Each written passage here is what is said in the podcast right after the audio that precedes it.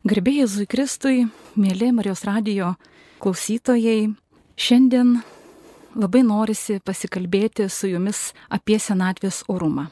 Prie mikrofono esu aš, sesuo Pranciška Neringa Bubelytė, Dieviškosios Jėzaus širdies pranciškonė iš Kauno. Taigi, apie senatvę. Kodėl mums svarbu kalbėti apie šitą žmogaus gyvenimo tarpsnį, kuo jis yra ypatingas ir į ką mus kviečia, na, ne tik bažnyčia, bet ir pats viešpats. Reikia prisiminti, kad popiežius Pranciškus kaip tik yra paskelbęs ir intenciją už senus žmonės, kurie yra tautos šaknis ir atmintis, kad jų patirtis ir išmintis padėtų jauniems žmonėms viltingai ir atsakingai žvelgti į ateitį. Na, bet to reikia prisiminti, jog Liepos e, mėnesį yra švenčiami du senoliai, galima sakyti, du šventieji senoliai, tai šventoji Ona ir šventasis Joakimas, kurie buvo mergelės Marijos tėvai, reiškia Jėzaus seneliai. Na ir būtent greičiausiai su jų šito minėjimu popiežius Pranciškus jau antrą kartą šiais metais išleidžia laišką, kaip žinia, pasaulinė senelių ir pagyvenusių žmonių dienos proga, kuri yra švenčiama Liepos 24 šiais metais. Taigi pradėkim pamastymų iš švento rašto, kuo mums yra svarbus senolių amžius ir jų liudijimas iš tiesų neveltui sakau jų liudijimas. Viena iš tokių man asmeniškai gražiausių vietų senolio pasirinkimo liudijimo yra antrojoje Makabėjų knygoje. Aišku, kad galima tų ištraukų rasti ir kitose knygose, tačiau šiai dienai pasirinkau būtent antrąją Makabėjų knygą ir perskaitysiu, kas joje čia rašoma šeštame skyriuje. Taigi, Elezaras, vienas iš žymiausių rašto žinovų, vyras senyvo amžiaus ir garbingos išvaizdos, buvo žiodomas norint jį pamaitinti keulieną. Jis tačiau rinkosi verčiau garbingai numirti, negu gyventi su gėda. Išspjovęs mėsą, pats savo norų užlipo ant kankinimo rato taip dera elgtis visiems, turintiems drąsos verčiau atsisakyti dalykų, kurių ragauti nėra leista, negu mylėti gyvastį.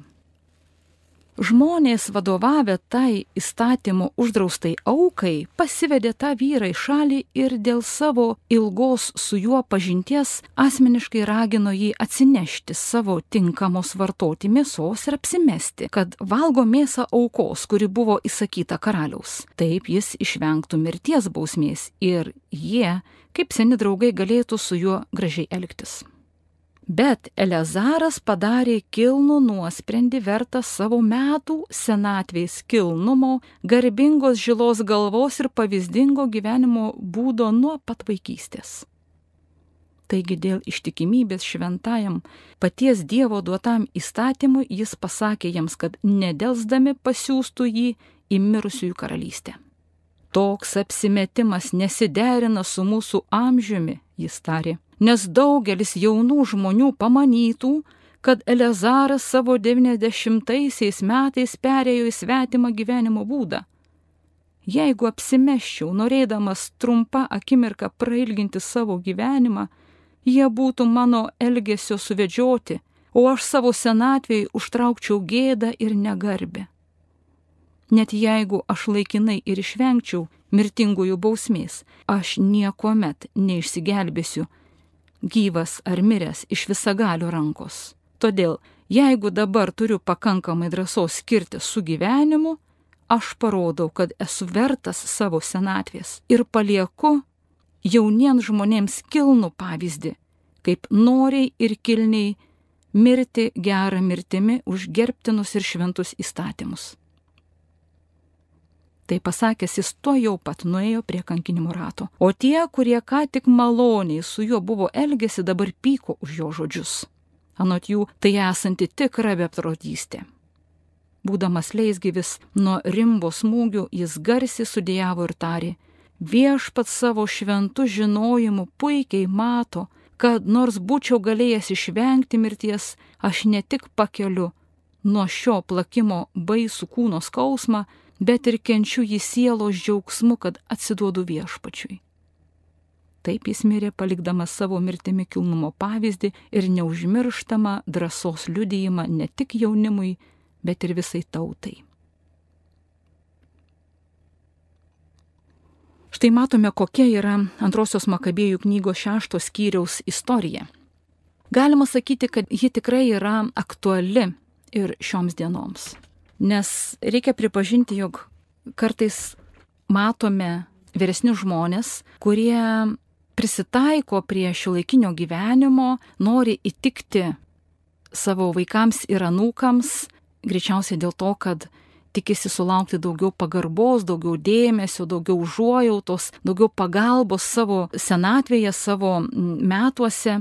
Ir kartais jie pasiduoda tokiam suvedžiojimui, susivedžioja, galima sakyti, moraliniuose dalykuose, dvasiniuose dalykuose. Yra tekę girdėti, kaip močiutė patarė savo anūkiai arba savo, reiškia, dukrai, kad, na, besilaukiančiai, kad, na, sugadins savo gyvenimo metus, savo jaunystę ir geriau galėtų kažkaip, na, išvengti to kūdikio ir jį, na, dar kažkaip mandagiai įvinioja į tą visą pasidaryti išvalymą. Iš tikrųjų, tai žinome, kad tai yra nužudimas, tai yra abortas. Arba dar dažniau tenka girdėti, kaip vyresni žmonės atrodo su gyvenimo patirtim sako, oi vaikeliai, dar nesiženykit, dar palaukit, padraugaukit, pagyvenkit kartu, pažiūrėkit, ar vienas kitam tinkat. Ir galvoju, kur čia yra ištikimybė iš tikrųjų Dievo priesakui, Dievo įstatymui, tam, kas yra žmogaus prigimtyje įrašyta, kad vienas kito, na, nenaudotų, nepanaudotų, nenudėvėtų, taip sakant, kažkaip grubiai sakant. Ir kas čia vyksta?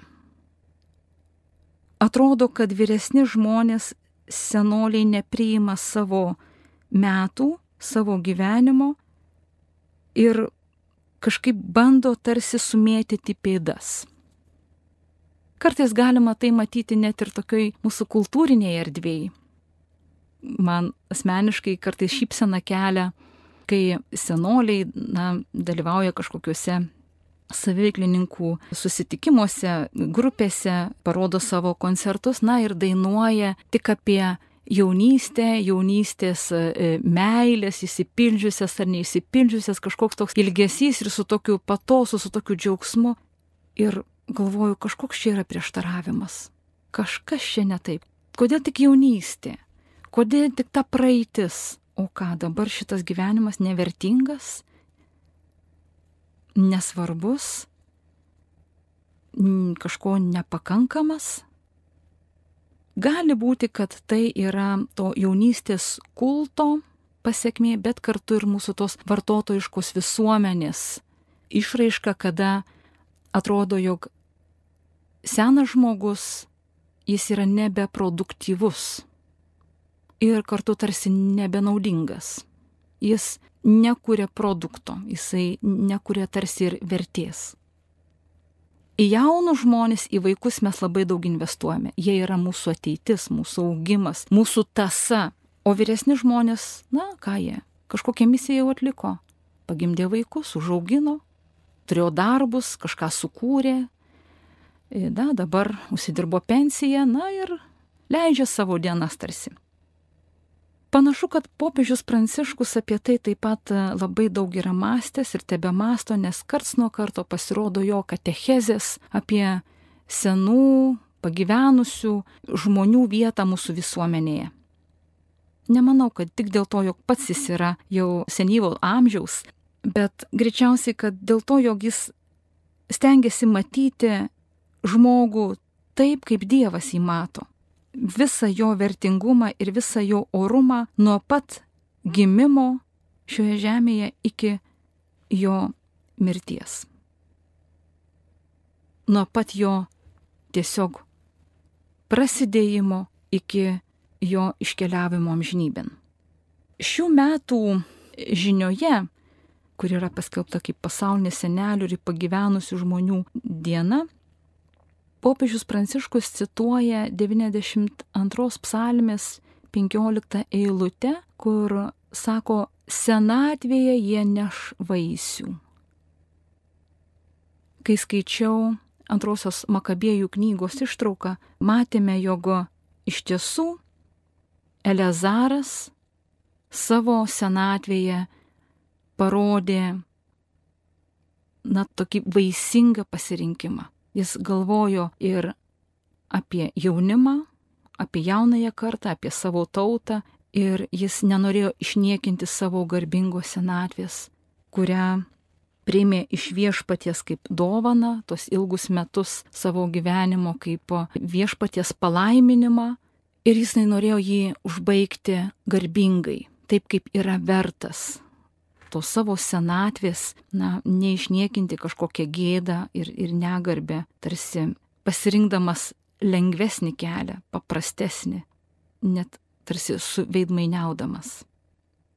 Taigi, ta 92 psalmė su savo eilute senatvėje nešvaisių yra gera žinia, na tikra evangelija, kurią galime skelbti pasauliui antrosios pasaulinės senelių ir pagyvenusių žmonių dienos proga, sako popiežius Pranciškus. Tai prieštarauja tam, ką pasaulis mano apie šį gyvenimo amžių. Daugeliui senatvė kelia baimę. Jie tai suvokia kaip tam tikrą lygą, su kuria geriau vengti bet kokio kontakto. Seni žmonės mums nerūpi, mano jie. Ir jiems dėrėtų gyventi atokiau, galbūt kartu įstaigose, kurios jais rūpintųsi ir apsaugotų mus nuo jų problemų. Popiežius tai pavadino atmetimo kultūra. Tai yra toks mentalitetas siūlantis mums silpnesniųjų atžvilgių jaustis kitokiais, nepažeistais jų trapumo. Taip pat leidžiantis įsivaizduoti, kad mes ir jie einame atskirais keliais. Tačiau iš tikrųjų ilgas gyvenimas, kaip moko šventasis raštas, yra palaiminimas, o seni žmonės nėra atstumtieji, nuo kurių reikia atsiriboti, bet gyvi Dievo dovanojančio gyvenimo apstumą palankumo ženklai.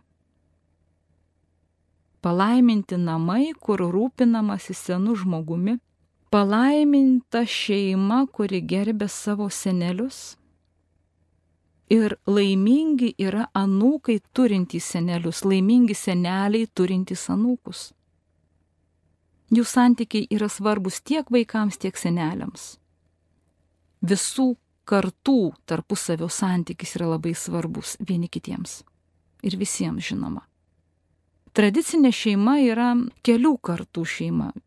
Vaikai turi tėvus, tėvai turi savo tėvus ir ta tradicinė senelystė yra tarsi savaime duota. Seneliai yra labai svarbus anūkų gyvenime, nes paprastai yra kantresni nei tėvai, jie turi daugiau laiko bei gyvenimiškos patirties, išminties Seneliams nereikia niekur skubėti, jie gali ramiau, kantriau paaiškinti savo anūkams paprastus dalykus, kas vyksta aplinkui.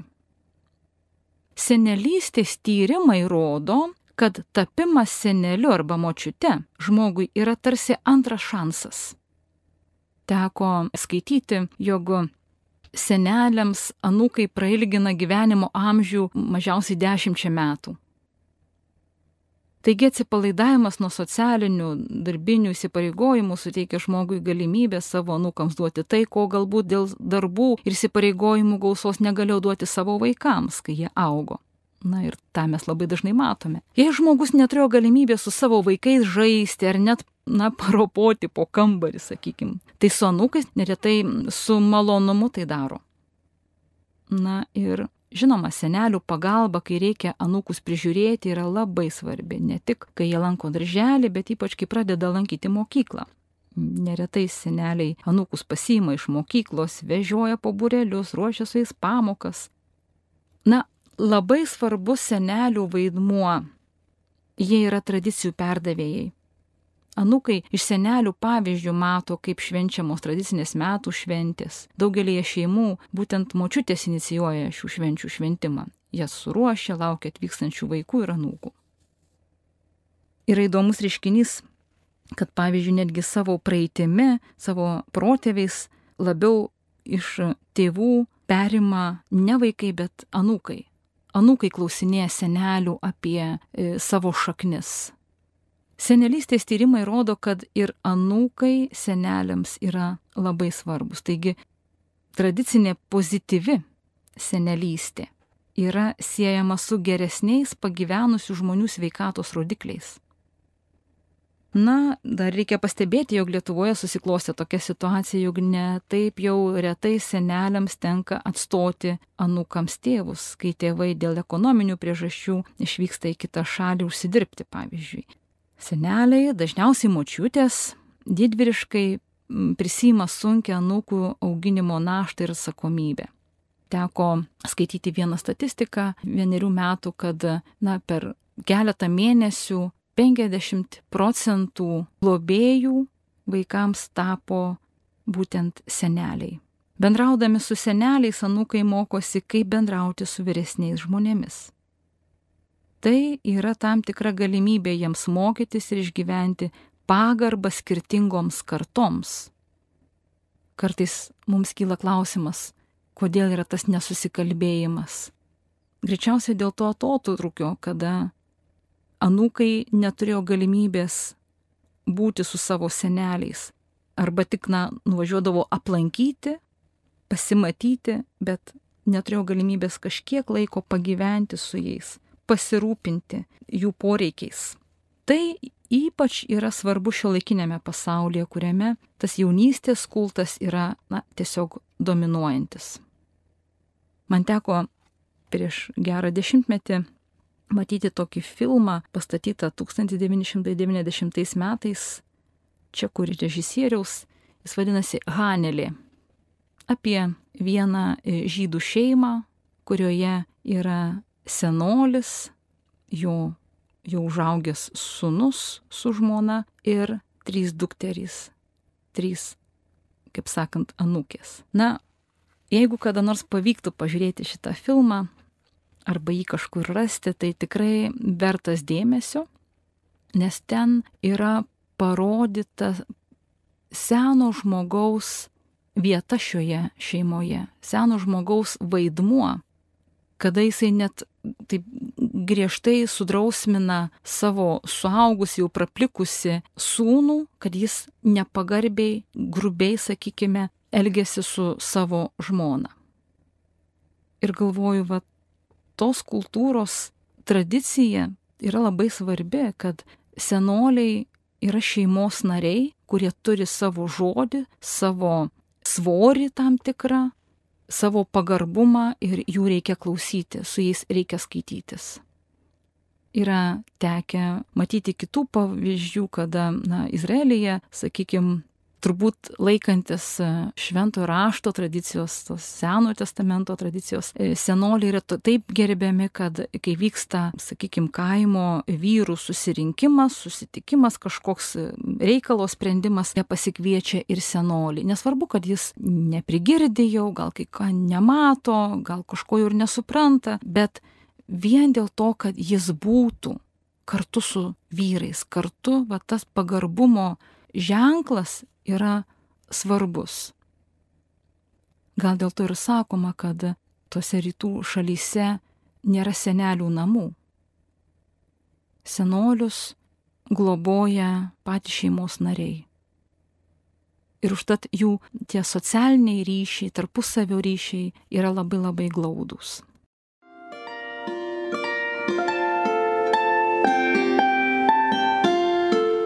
Jūs girdite Marijos radiją.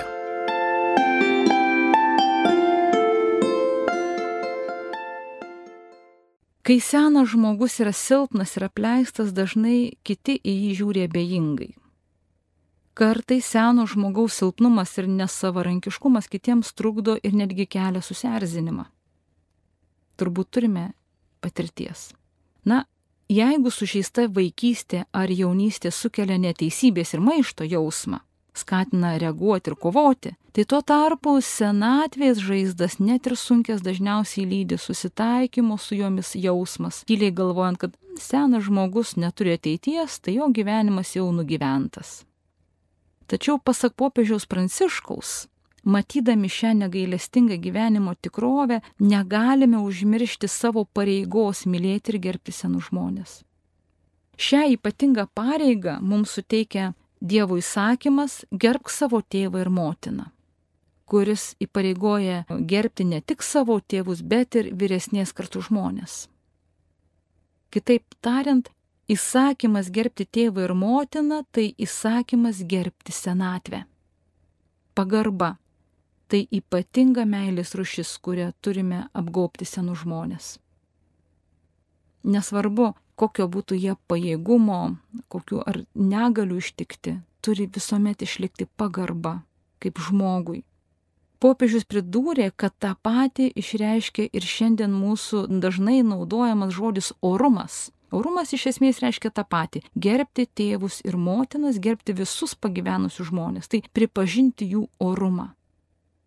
Ligonių priežiūra, pagalba kitiems, kurie negali savimi pasirūpinti, pragyvenimo sąlygų užtikrinimas, visa tai apima mūsų tą pareigą gerbti tėvus, gerbti kiekvieną seną žmogų. Kai pristinga tokios pagarbos, Įmama seniems žmonėms priekaištauti dėl jų silpnumo, jie net baudžiami, tarsi senatvė būtų jų kalti. Atsiranda patyčios ir agresyvumas. Ir tai gali nutikti net namuose.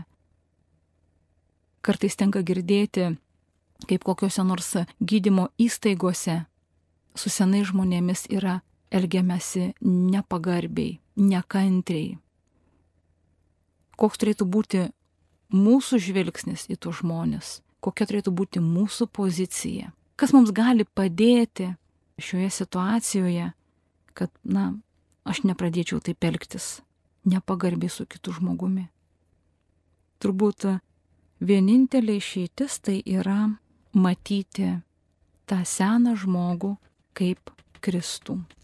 Matyti, kad tai yra mano Jėzus. Apleistas, reikalingas kažkokio patranavimo, kaip tas, kuris neša galbūt kryžių, savo gyvenimo kryžių. Ir šioje vietoje aš galiu būti ir Veronika, ir Simonas, ir lydinčios e, moterys, kurios, na, reiškia užuojautą.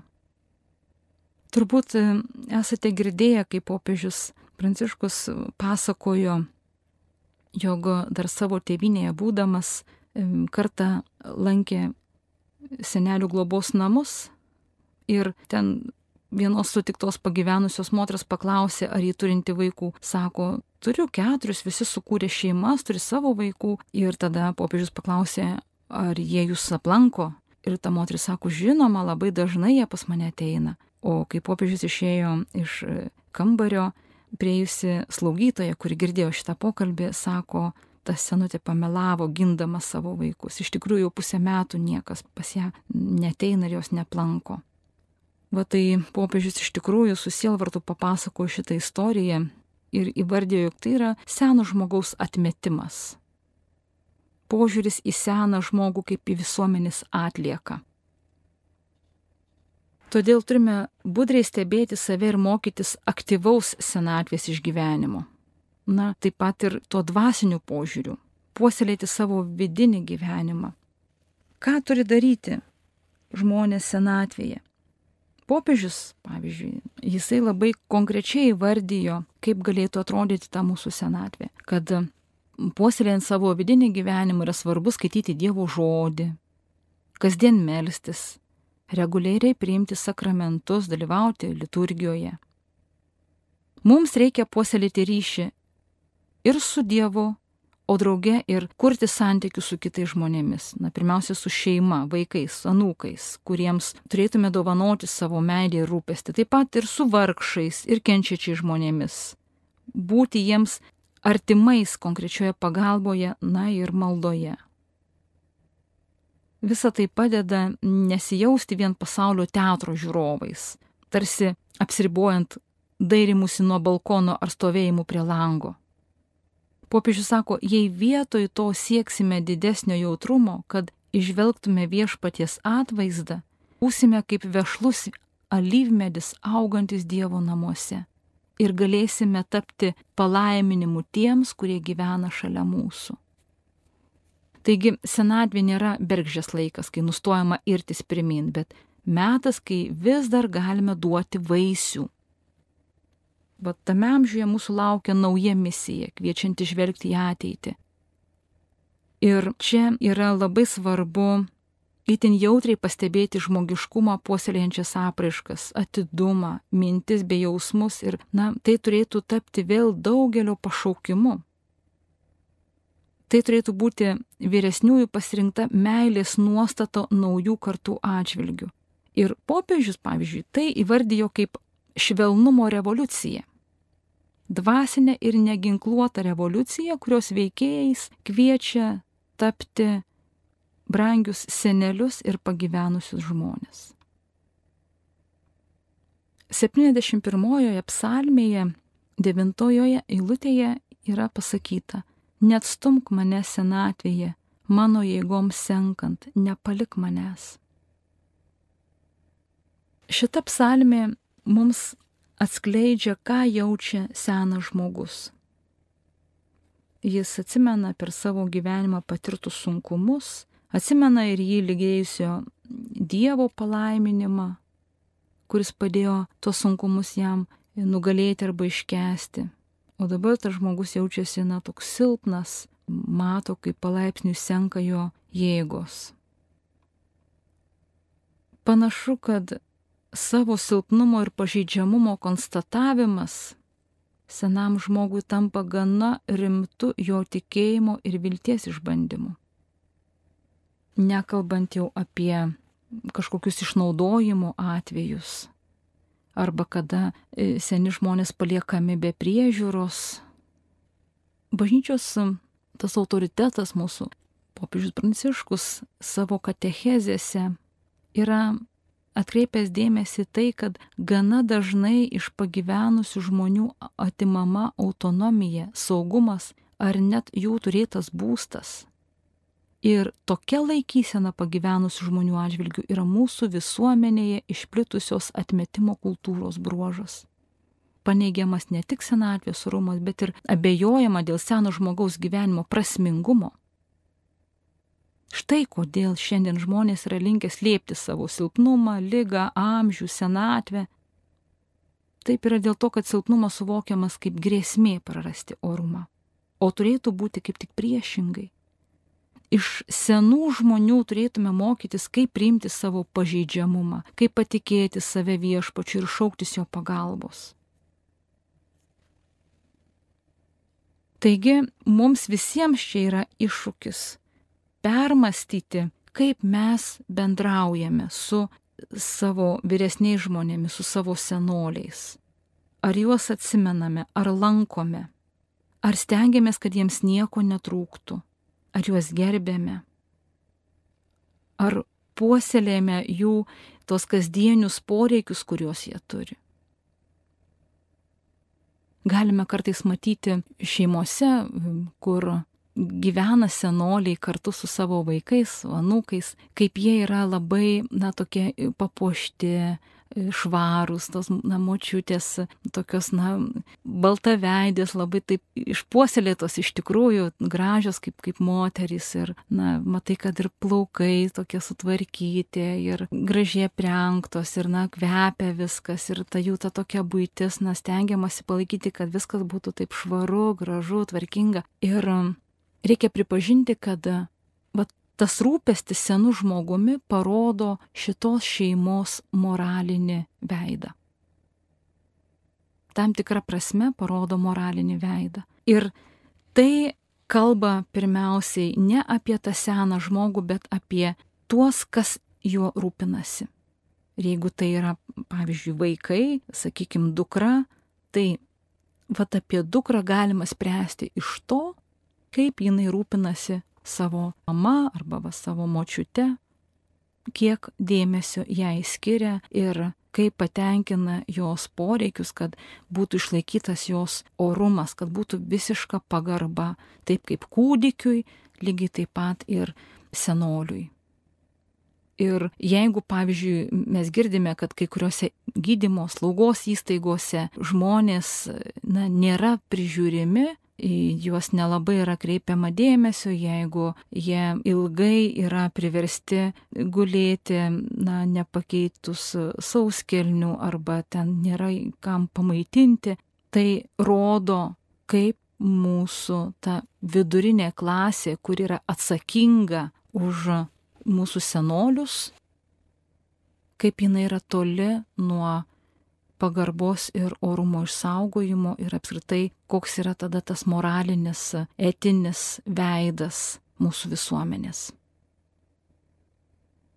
Taigi, galime paklausti, o gal pašalinome iš savo gyvenimo visus vyresnio amžiaus artimuosius - tėvą, motiną, senelį, močiutę, dėdės, tetas, šeimos draugus.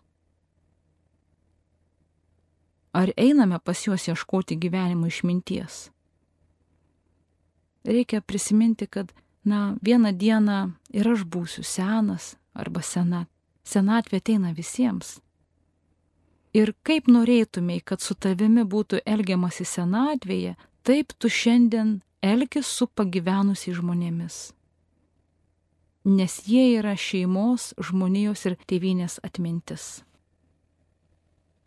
Pavyzdys mūsų senatvėje gali būti Naujojo testamento pranašė Ona, Simeonas, kuris laukė viešpaties užgimimo, tie du seneliai, kurie yra prašyti Evangelijoje pagal Luką. Onai buvo 84 metai ir savo amžiaus jį neslėpė, neneigė jo. Ir Evangelija pasakoja, kad jie laukė Dievo pasirodymo daug metų ištikimai jie norėjo išvysti tą dieną ir gal jau buvo šiek tiek nusivylę, susitaikė, kad mirs pirmiau negu pamatys. O vis dėlto tai buvo didžiausias jų gyvenimo uždavinys - laukti viešpatės ir melstis. Ir štai kai Marija su Juozapu atėjo į šventyklą atlikti įstatymo nurodyto peigų, Simeonas ir Ona, vedami šventosios dvasios, nu, sujudo, amžiaus ir laukimo svoris akimirksnių dingo, jie atpažino tą kūdikėlį ir tuo pat metu atskleidė naują jėgą ir naują uždavinį - dėkoti Dievui, šlovinti ir liudyti šį Dievo ženklą. Žinome, kad Simeonas spontaniškai sukūrė nuostabų džiaugsmo himną, kurį besimeldžiantys valandų liturgijoje skaitome kiekvieną dieną naktinėje maldoje. Taigi malda nenutrūkstamai tyrina širdį. Šlovinimai ir maldavimai užkerta kelią širdies sukėtėjimui nuoskaudose ir egoizme, kuris gali būti susikaupęs per visą gyvenimą. Koks nemalonus cinizmas seno žmogaus, kuris prarado savo liudymo prasme, niekina jaunuosius ir neperdoda gyvenimo išminties. Ir koks gražus yra padrasnimas, kurį senelis sugeba perduoti jaunuoliui, ieškančiam tikėjimo ir gyvenimo prasmės. Tai ir yra iš tiesų senelių misija, senolių pašaukimas. Senelių žodžiuose jauniems yra kažkas ypatingo ir jie tai žino. Taigi, po visų šių apmąstymų kvieščiau ypač vyresnius žmonės, senolius, senelius, permastyti savo pašaukimą, savo metus, neneikti jų, neslėpti, nebandyti nudažyti kažkokiom netikrom spalvom, nesistengti užlyginti tų gyvenimo raukšlių, bet priimti su dėkingumu priimti ir tą žilą plauką, ir tą gilę raukšlę, ir tą silpnesnį, lėtesnį savo kūno apsisukimą. Tiesiog dėkoti už visą tai Dievui, nes tai yra vertinga, ir prašyti išminties ir tų galimybių, kur galėčiau pasidalinti savo šitą visą gyvenimą sukauptą iki senatvės patirtimi, gyvenimo išmintimi ir, na, tais teisingais, giliai išgyventais, išjaustais žodžiais ir pavyzdžiais su jaunaja karta. Jeigu šios katechezės klausosi senoliai, vyresnio amžiaus žmonės, tai kvieščiau užbaigti mūsų susitikimą senstančio žmogaus malda, kurią užrašė šventoji Teresė Vilietė gyvenusi XVI amžiuje. Melskimės. Viešpatie, mes visi juk senstame, prašau tavęs. Apsaugok mane senatvėje nuo pagundos kiekvieną progą ką nors pasakyti. Gelbėk mane nuo stiprėjančio noro tvarkyti kitų reikalus. Išmokyk mane mąstyti, nespėlioti.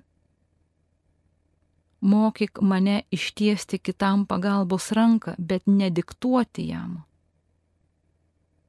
Apsaugok mane nuo plepėjimo apie gausybę smulkmenų ir suteik man polėkių būti sąmoningai. Išmokyk mane nutilėti savo ligas ir negalavimus. Jų vis daugėja ir kiekvienais metais didėja noras apie juos papasakoti. Pagelbėk man maloniai ir kantriai išklausyti kitų skundus. Išmokyk mane to išmintingo supratimo, kad ir aš galiu klysti. Leisk man išlikti vertai kitų meilės. Pagelbėk man netapti sena niurzga Išmokyk mane pastebėti žmonėse patikėtą gerumą ir suteik man dovaną apie tai papasakoti kitiems. Amen.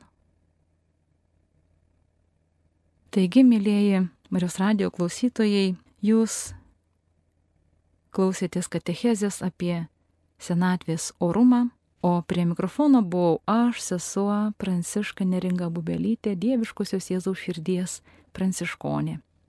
Būkite palaiminti, būkite garbingi, būkite verti viešpaties malonės, jo veikimo iki pat savo amžinybės dienų. Garbė Jėzui Kristui.